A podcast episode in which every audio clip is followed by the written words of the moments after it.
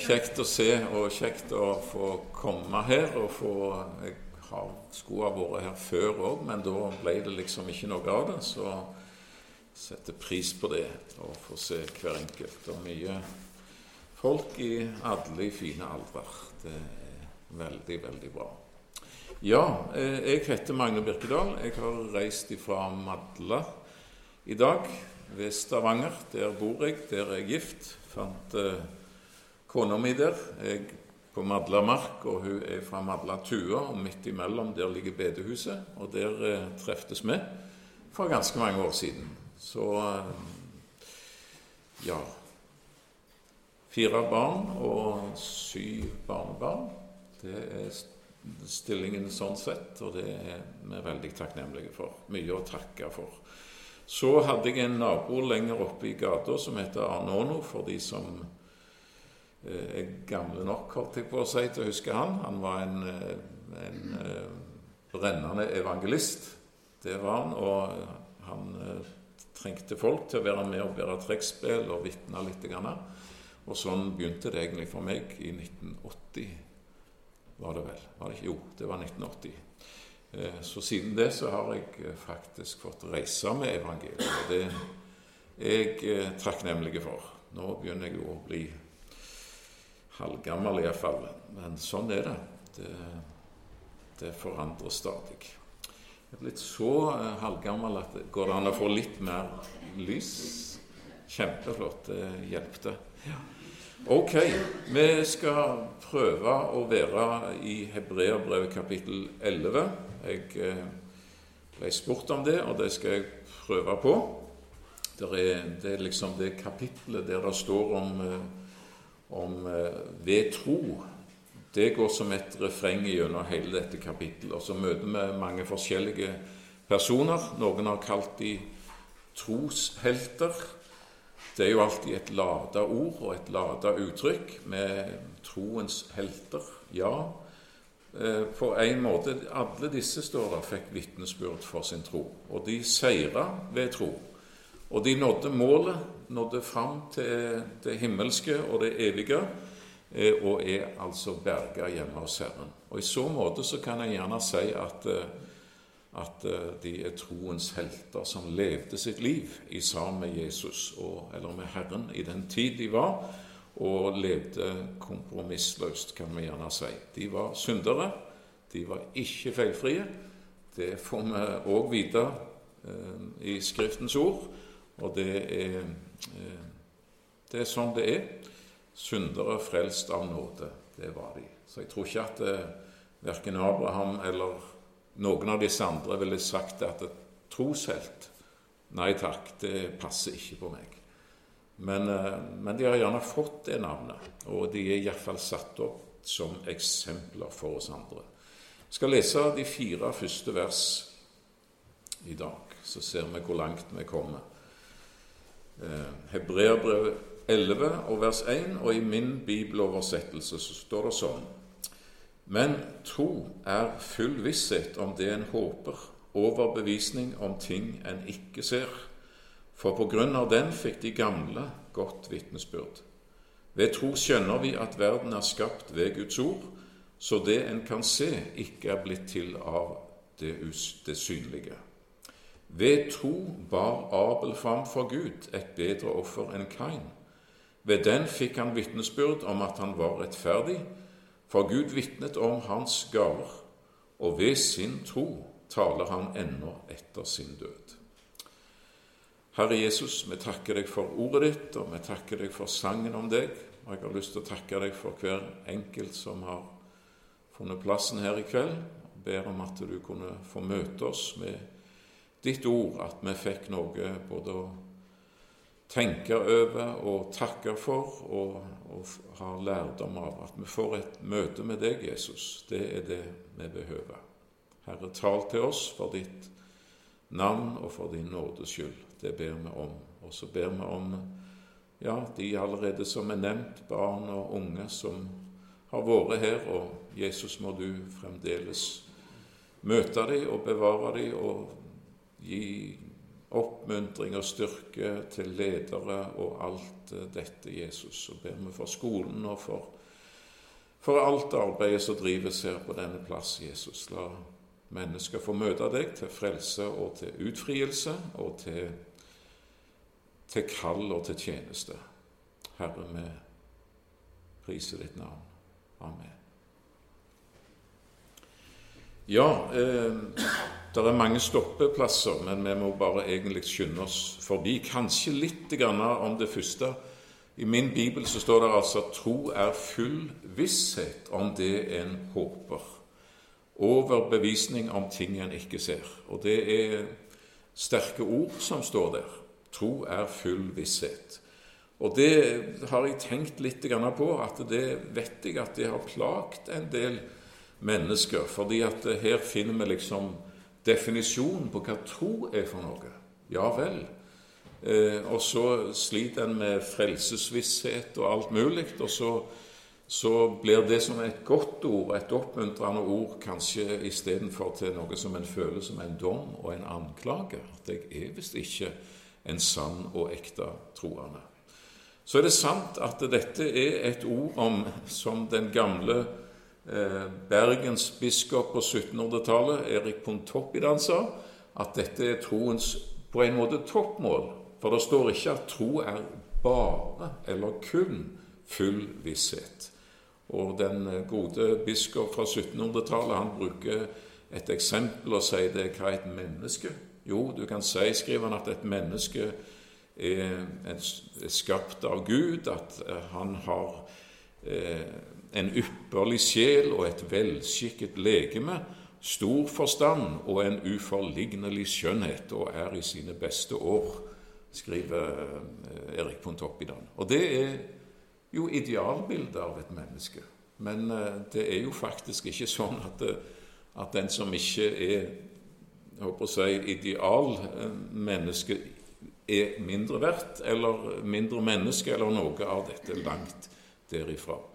Og Derfor så kan vi gjerne ta med det òg, at Bibelen taler ikke bare om tro som full visshet. For det, det er på en måte der Den hellige hånd gjerne ville føre oss, at vi får, eh, får eie denne, denne sterke visshet og overbevisning.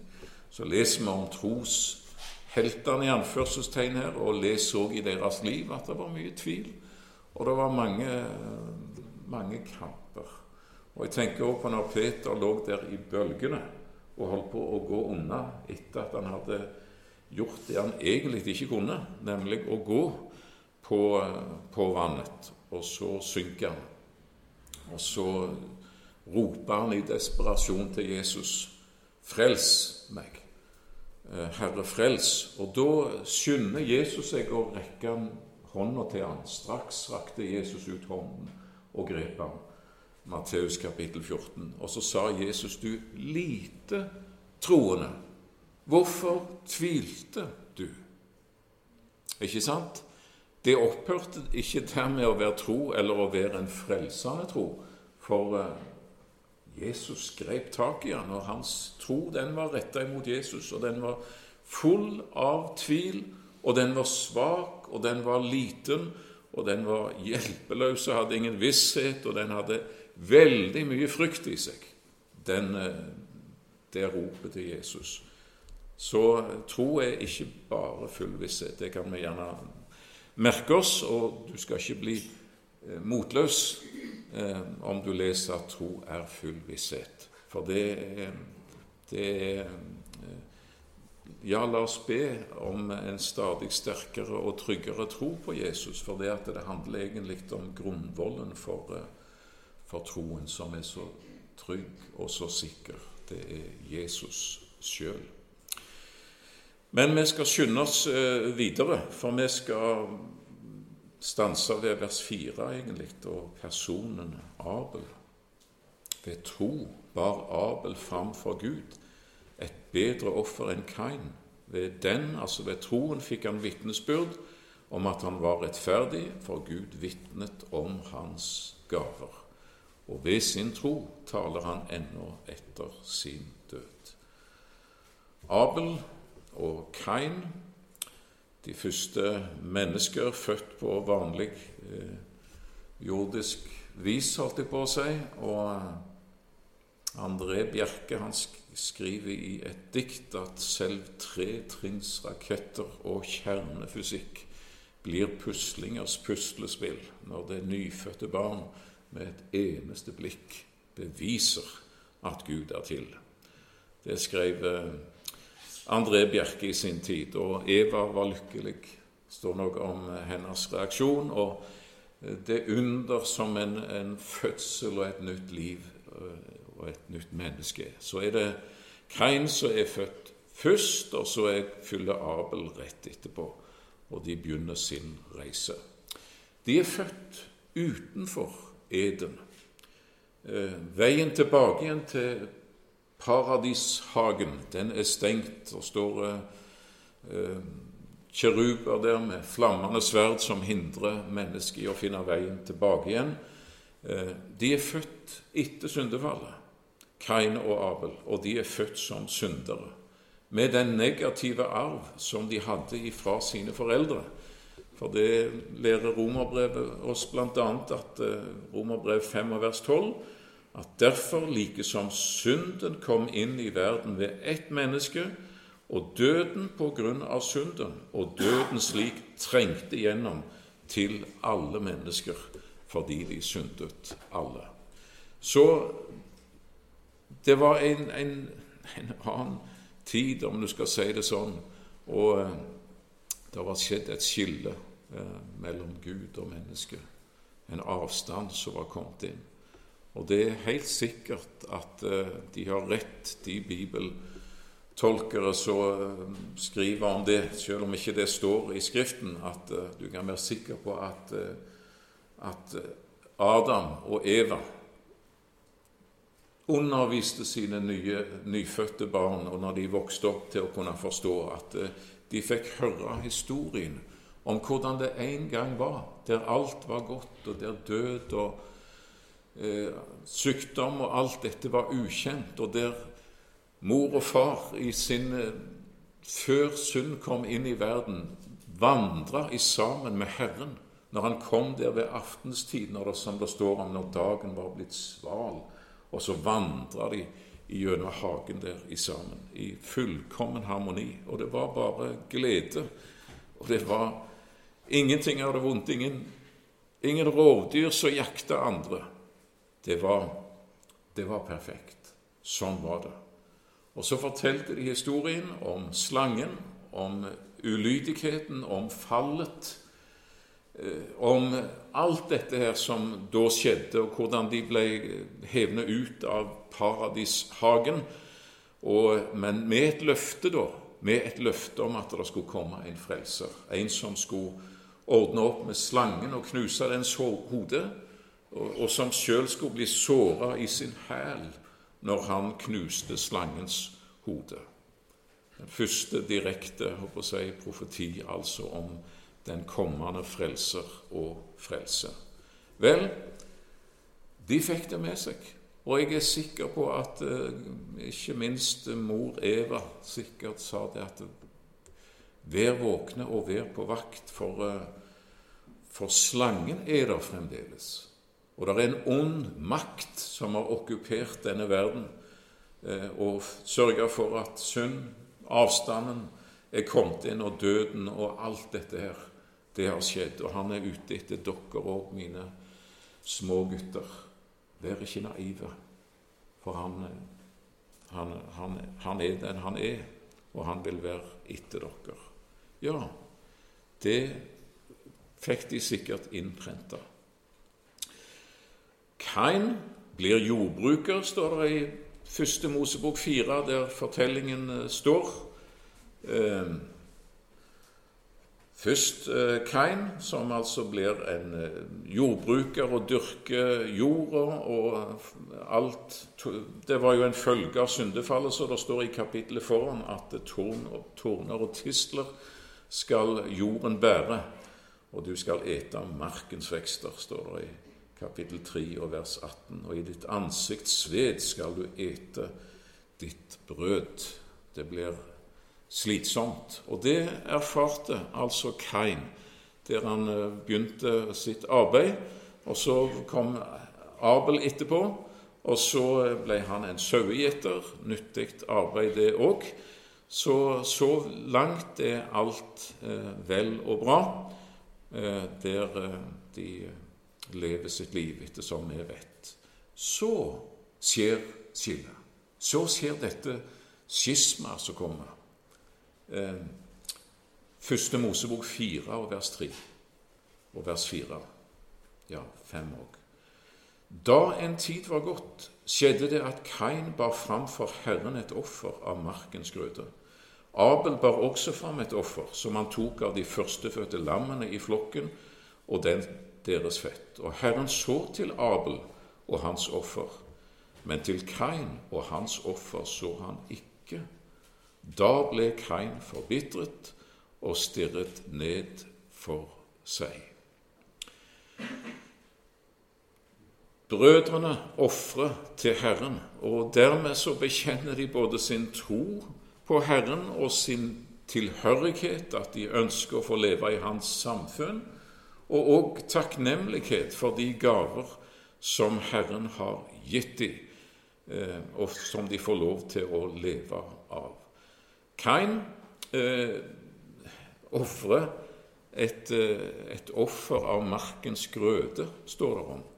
Det han sjøl hadde fått dyrka og hadde jobba hardt og strev med, selvsagt, for å få dette til. Rydda på torn og tistler og få vekk ugras og i det hele tatt eh, Lempa på steiner og brutt de opp. Brukt mye makt og mye styrke på det. Og han hadde gleden av både å få så og få se at det, det spirte, og seinere å få høste av eh, markens grøde. Og nå ber han fram et offer til Herren av denne markens grøde. Og det, jeg, jeg vet at det her er bibelfortolkere veldig uenige. Hva er det som gjør at Herren aksepterer det ene offeret og ikke det andre? Og det er helt sant at det står i Det gamle testamentet om mange forskjellige offer, og det står både om de eh, de ublodige offer og de blodige offer. Så det er mange som sier det at, at, det var ikke noe galt med Herren med dette offeret som, som Kain brakte fram, og at det var ikke det som missaga Herren, så han ikke så til, til Kains sitt offer. Men uansett så er det iallfall sånn at eh, dette er et grunnleggende offer. Det er det første offer som bæres fram av mennesker i forhold til Gud. Det bærer preg av et, et, et fundament, et, et, basisoffer, altså et grunnlagsoffer, som en på en måte skal stå innenfor Herren, og, og som en både bekjennelse, men som òg en grunnvoll. Altså at dette offer bærer jeg fram, disse gaver bringer jeg deg, Herre. Nærmest som et, et, grunnlag for i det hele tatt samfunnet med Herren. Eh, og du kan gjerne si det sånn at det lukta slit og svette og strev av Kain sitt offer. Det var ting han hadde dyrka fram med eget strev og egen innsats, og det var faktisk sånn at det var fruktene av ei jord som var under Guds forbannelse. For det ble det sagt i kapittelet foran til Adam og til Eva. For din skyld skal jorda være forbanna. Ikke bare menneskene som kommer inn under en dom, og på å si dyrelivet, men selve skaperverket i det hele tatt er lagt under en, en dom av forgjengelighet, som Romerbrevet kapittel 8 taler om. og har en, en lengsel i seg etter frihet, etter forløsning ifra syndefallet. Det gjelder òg eh, skaperverket. Så det er som Jeg tror du kan si det sånn at Kain tar det beste eh, denne verden har å by på. Han har sjøl dyrka det fram, han har strevd, og han har eh, arbeidet for det, og nå ber han det fram som et offer for Herren, et grunnoffer, et basisoffer, at ut ifra dette så vil han ha samfunn med Herren. Og så blir han sjokkert, for Herren tar ikke imot hans offer. Og der er lillebror, Abel, og hva bærer han fram? Han bærer fram et lam, et førstefødt lam. Og det er jo etter de senere forskrifter i mosepøkene Mosebøkene om hvordan offeret skal skje, det førstefødte. Så på en måte så foregriper eh, Abel rett og slett det som seinere skal stå om blodet i, i, i Det gamle testamentet òg som, som, offer. Og det står altså, altså et Når Abel bærer fram sitt offer, det blodige offer, et lam som er slakta, hva ligger der i det, Abel? Om vi kunne se inn i ditt hjerte, hva ville vi se da? Jeg tror vi vil se en erkjennelse av synd og av skyld. Det visste han jo at Gud er hellig. At eh, det var ikke ei liste med ti synder og lovbrudd som hans foreldre fikk, eh, eh, fikk, beskjed om at hvis dere bryter mitt ord så og så mange ganger, så blir dere jagt ut av Edens hage. Det var ett fall en eneste gang. Og det endrer alt. Gud har null toleranse for synd, ikke sant? Så der er skillet. Og dette hadde, dette hadde Abel fått med seg. Jeg tror det. Altså det, det alvoret det faktisk er å stå innenfor Gud som en synder. Skyldig Impulsreaksjonen til Adam når Herren kalte på Adam og spurte 'Hvor er du, og hva har du gjort?' Så snur han seg og så peker han på Eva så sier han, 'Kvinnen som du ga meg, hun gjorde at jeg tok av denne frukten.' Og så vender Herren seg til Eva, og så spør han, 'Hva har du gjort?' Og så snur Eva seg bort, og så peker hun på slangen, og så sier hun, 'Slangen bedro meg, narra meg.' Det er kanskje impulsreaksjonen, det at det, det er ikke min feil. ikke sant? Og så legger en skylda over på andre. Og det er helt sant. Det er Satan som er opphavet til synd og til ondskap og alt dette.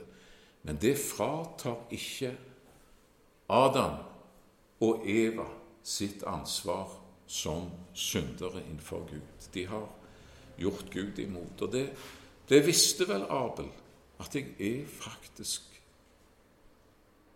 skyldig innenfor Gud. Og hvis jeg skal ha, et, hvis jeg skal ha fred med Gud, da trenger jeg frelse.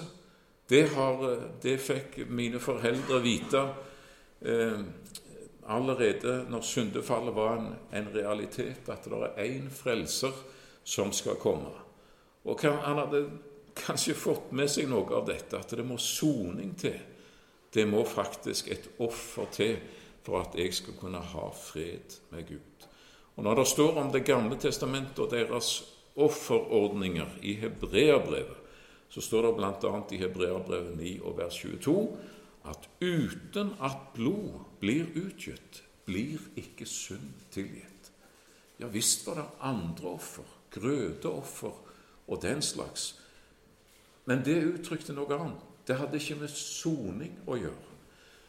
Skulle det være soning og tilgivelse, så måtte det et, et blodsoffer til. Det måtte et, en soning til. Et ulastelig og lyteløst lam eller offerdyr som var feilfri, som måtte bringes fram og faktisk gi sitt liv stedfortredende for den skyldige. Denne tanken den møter vi jo overalt i Bibelen. og og som jeg sa, det, at på en måte så foregriper jo eh, Abel det som det står f.eks. i 2. Mosebok 12 og vers 13, at når jeg ser blodet, så vil jeg gå dere forbi. Og Det er, der er en, en, erkjennelse som ligger bak. For det, i teksten vår så får vi vite eh, den vi leste i Hebreabrevet 11 og vers 4. Ved tro bar Abel framfor Gud et bedre offer enn Kain. Så her står det både om eh, hjerteforholdet, og så står det om det ytre offer. Og på å si det er både ei innerside og ei synlige ytterside.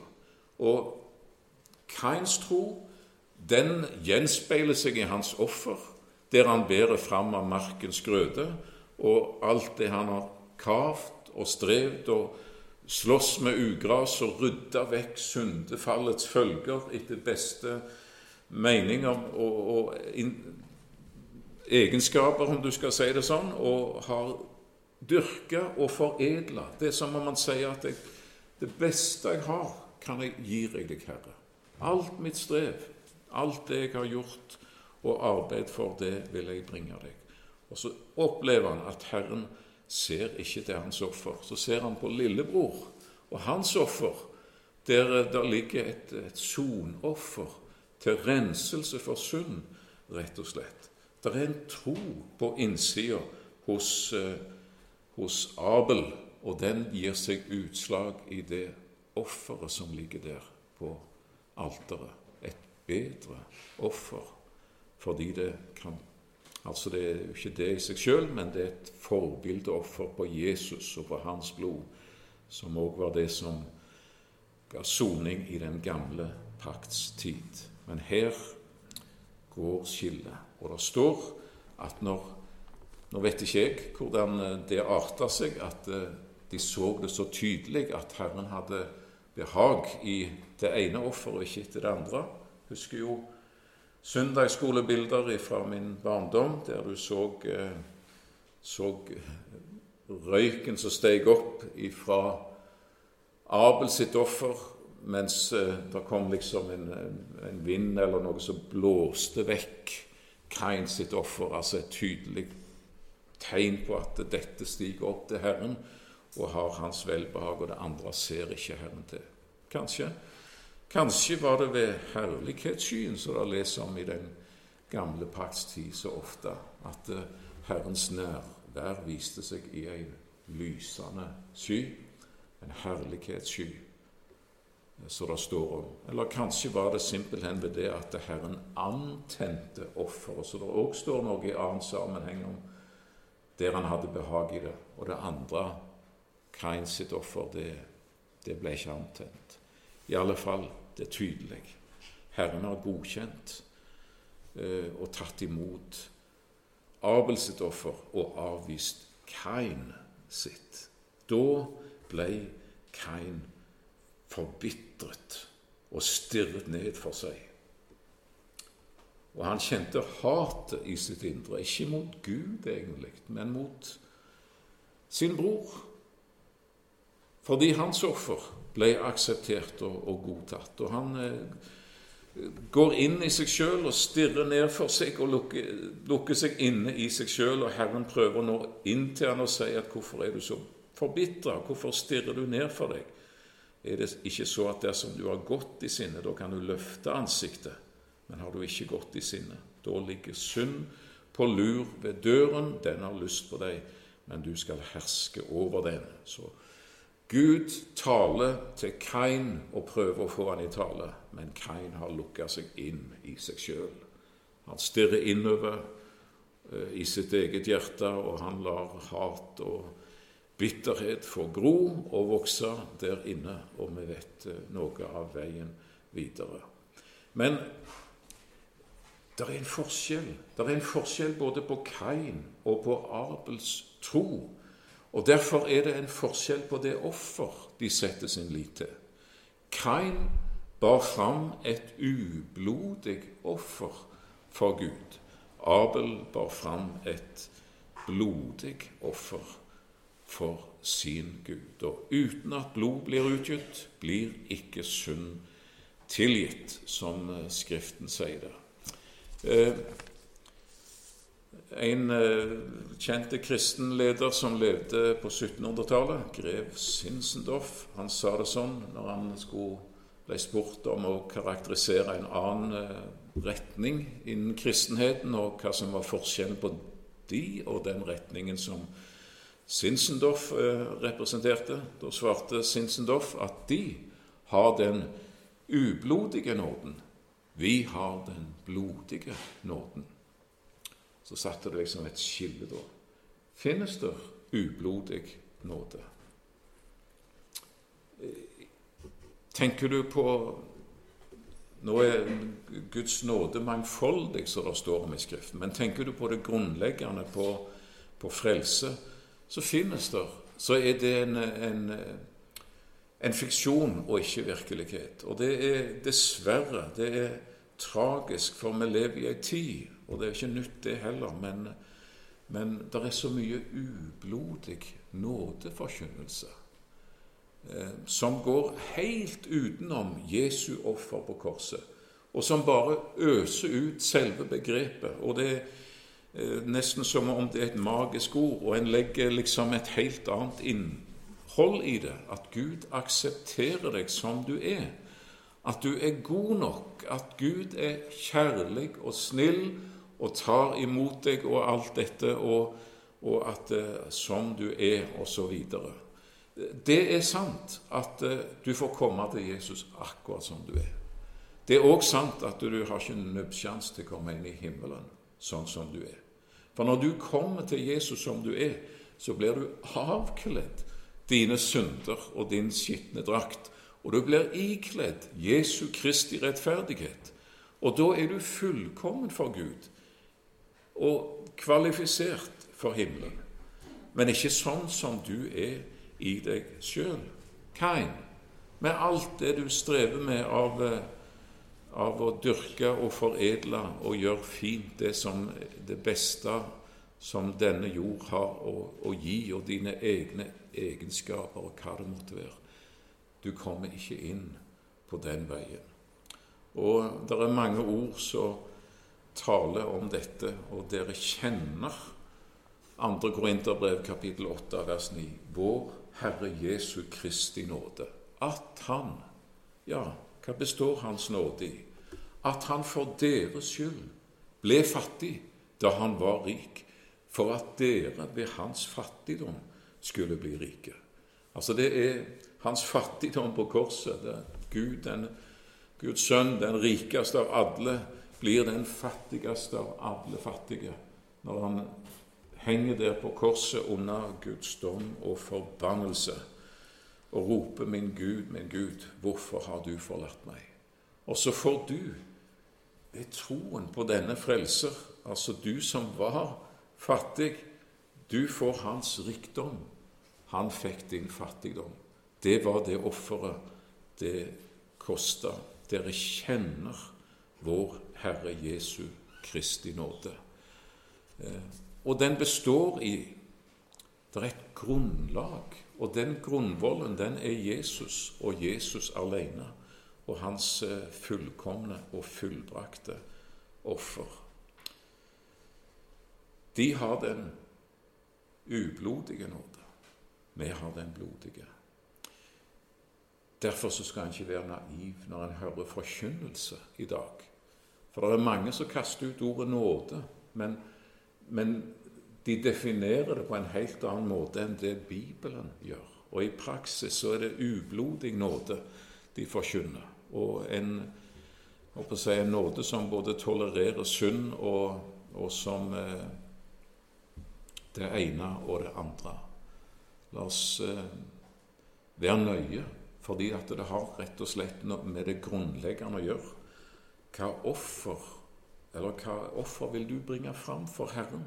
Hva, du, hva er din grunnvoll for fred med Gud? Hva bygger du på? Er, den, er du en etterfølger av Kain, eller er du en etterfølger av Abel? Det står i, i Judas brev, det ellevte verset, ved dem, for de har slått inn på Kains vei. Kain har altså mange etterfølgere. Og hva, hva, vei er det, og hvor fører den hen? Ja, det er en vei, kan du si, som gjerne eh, skifter litt grann valør. Det er, det er det ublodige offers vei.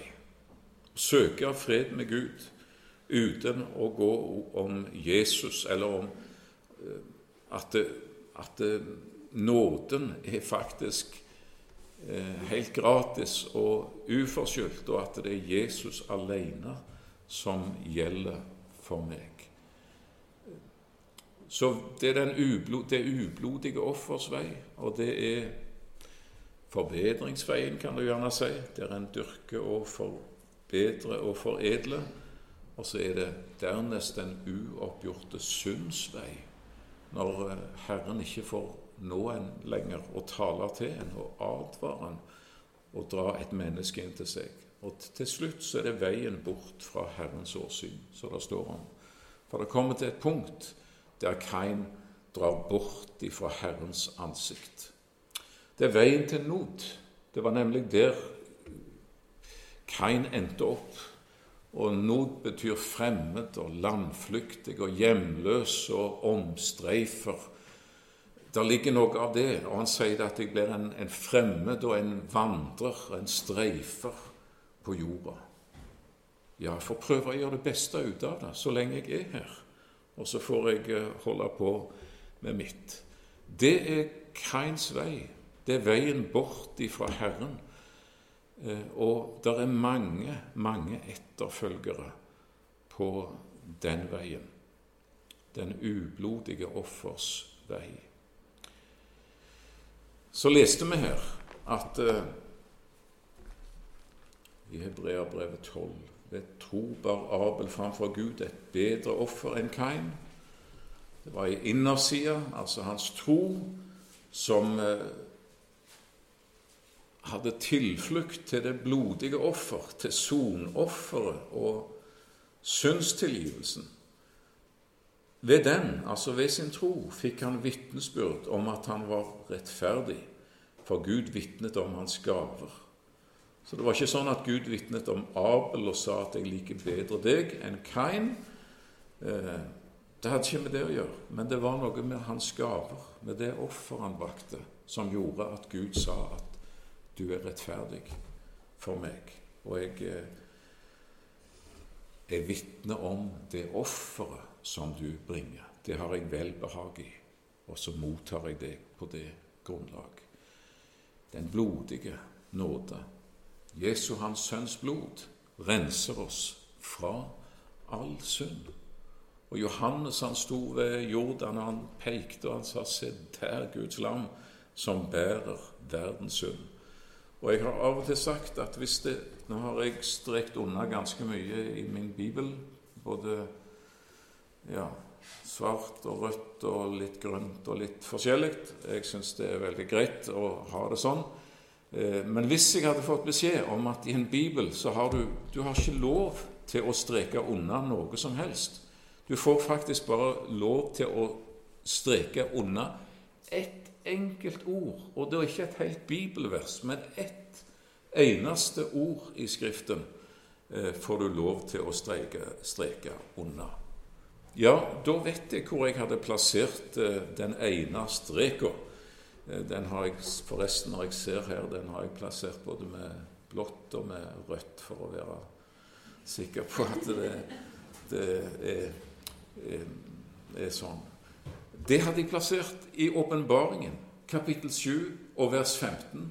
Der hadde jeg plassert det. For der får jeg nemlig vite ut ifra sammenhengen, men, men det ene ordet, det er derfor.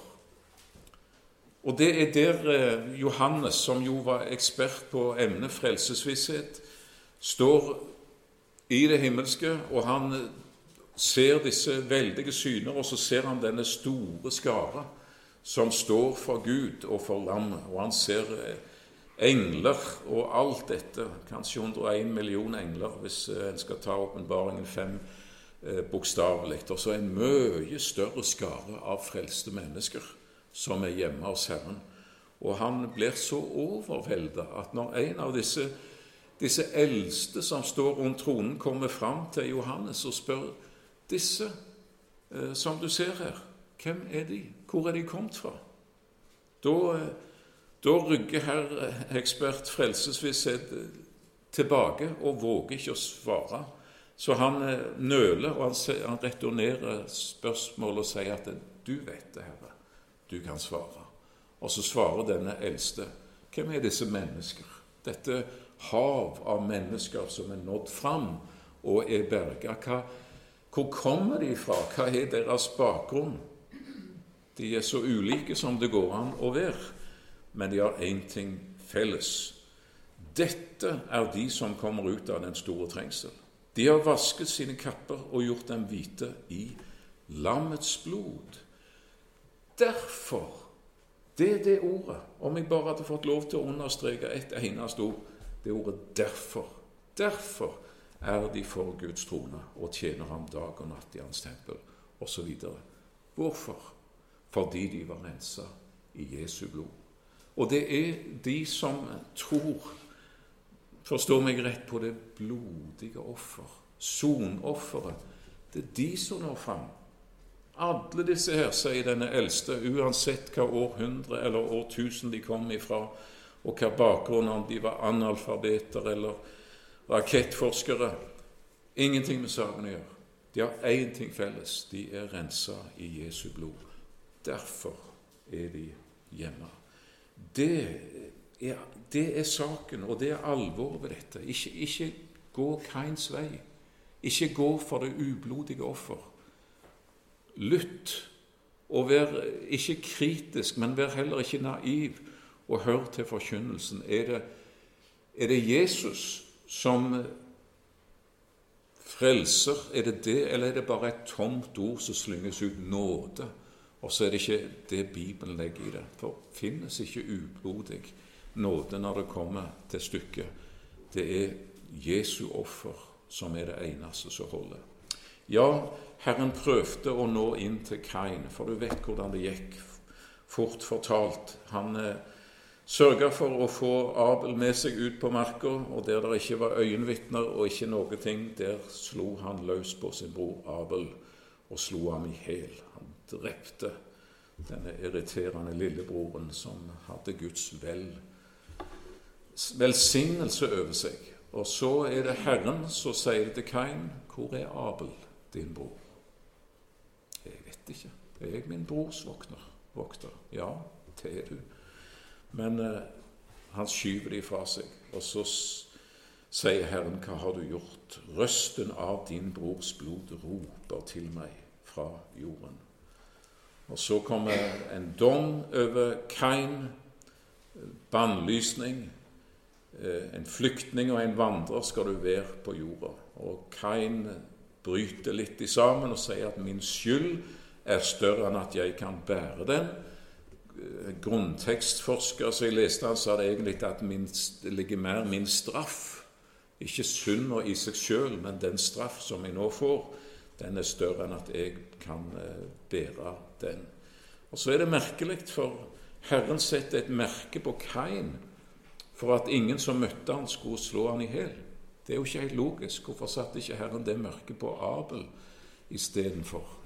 den ugudelige Kain. Men livet er ikke rettferdig. Livet er ikke rettferdig. Det har ikke vært det siden syndefallet. Og Kain får en beskyttelsesmerke. Og Gud har ikke gitt han opp. Han har advart han og eh, talt alvor til han. Det kan du lese om. Jeg har ikke tid til å gå inn på det i vers 6 eh, i første Mosebok 4, hvordan Herren taler til han og advarer han og, og det er nå en gang sånn at om Kain hadde omvendt seg til Herren, så hadde det definitivt vært nåde og tilgivelse for ham. Det leser vi i neste kapittel i Hebreabrevet, altså i kapittel 12. Der leser vi om, eh, om de som har nådd fram til det nye Jerusalem, det himmelske eh, Jerusalem og så står det i siste delen av vers 24 til bestenkningens blod, som taler bedre enn Abels blod. Abels blod, det var det blodet som ropte til Gud ifra jord om straff, om dom over det. Og det ordet som står her, det er at det er blod som taler. Og det ordet betyr både bedre kvalitativt, og det betyr sterkere. Så det er en dobbelthet i det. at at Jesu blod roper mye høyere enn eh, en det ropet om dom, om synd. Og det taler mye bedre. Det har mye bedre argumenter. Så hvis du synes at djevelen har gode argumenter når han sier at du ikke kan være en kristen eller sånt, så skal ikke du gå inn i den diskusjonen, for djevelen har fryktelig gode argumenter. Men du skal vise til Jesu blod, og så skal du få lov til å si at Jesu blod, det er alt jeg har, og det roper mye høyere enn mine synder. Og det taler mye bedre.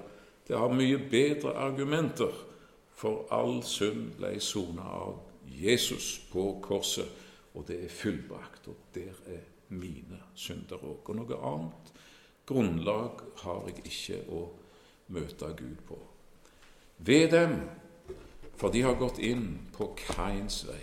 Og Kains vei, den står det om i, i Første Mosebok 4, vers 16, så dro Kain bort fra Herrens åsyn og bosatte seg i landet Nod, øst for Eden. Det som er så tragisk, det er jo det at det, det er ikke bare Kain som eh, vender ryggen til Herren. I i de neste versene, altså fra vers 17 ut igjen, så får du lese om Kains slekt, hans etterkommere, hans barn. Og de går i sin fars fotspor, rett og slett. Der eh, fødes Hanok. Han bygger en by.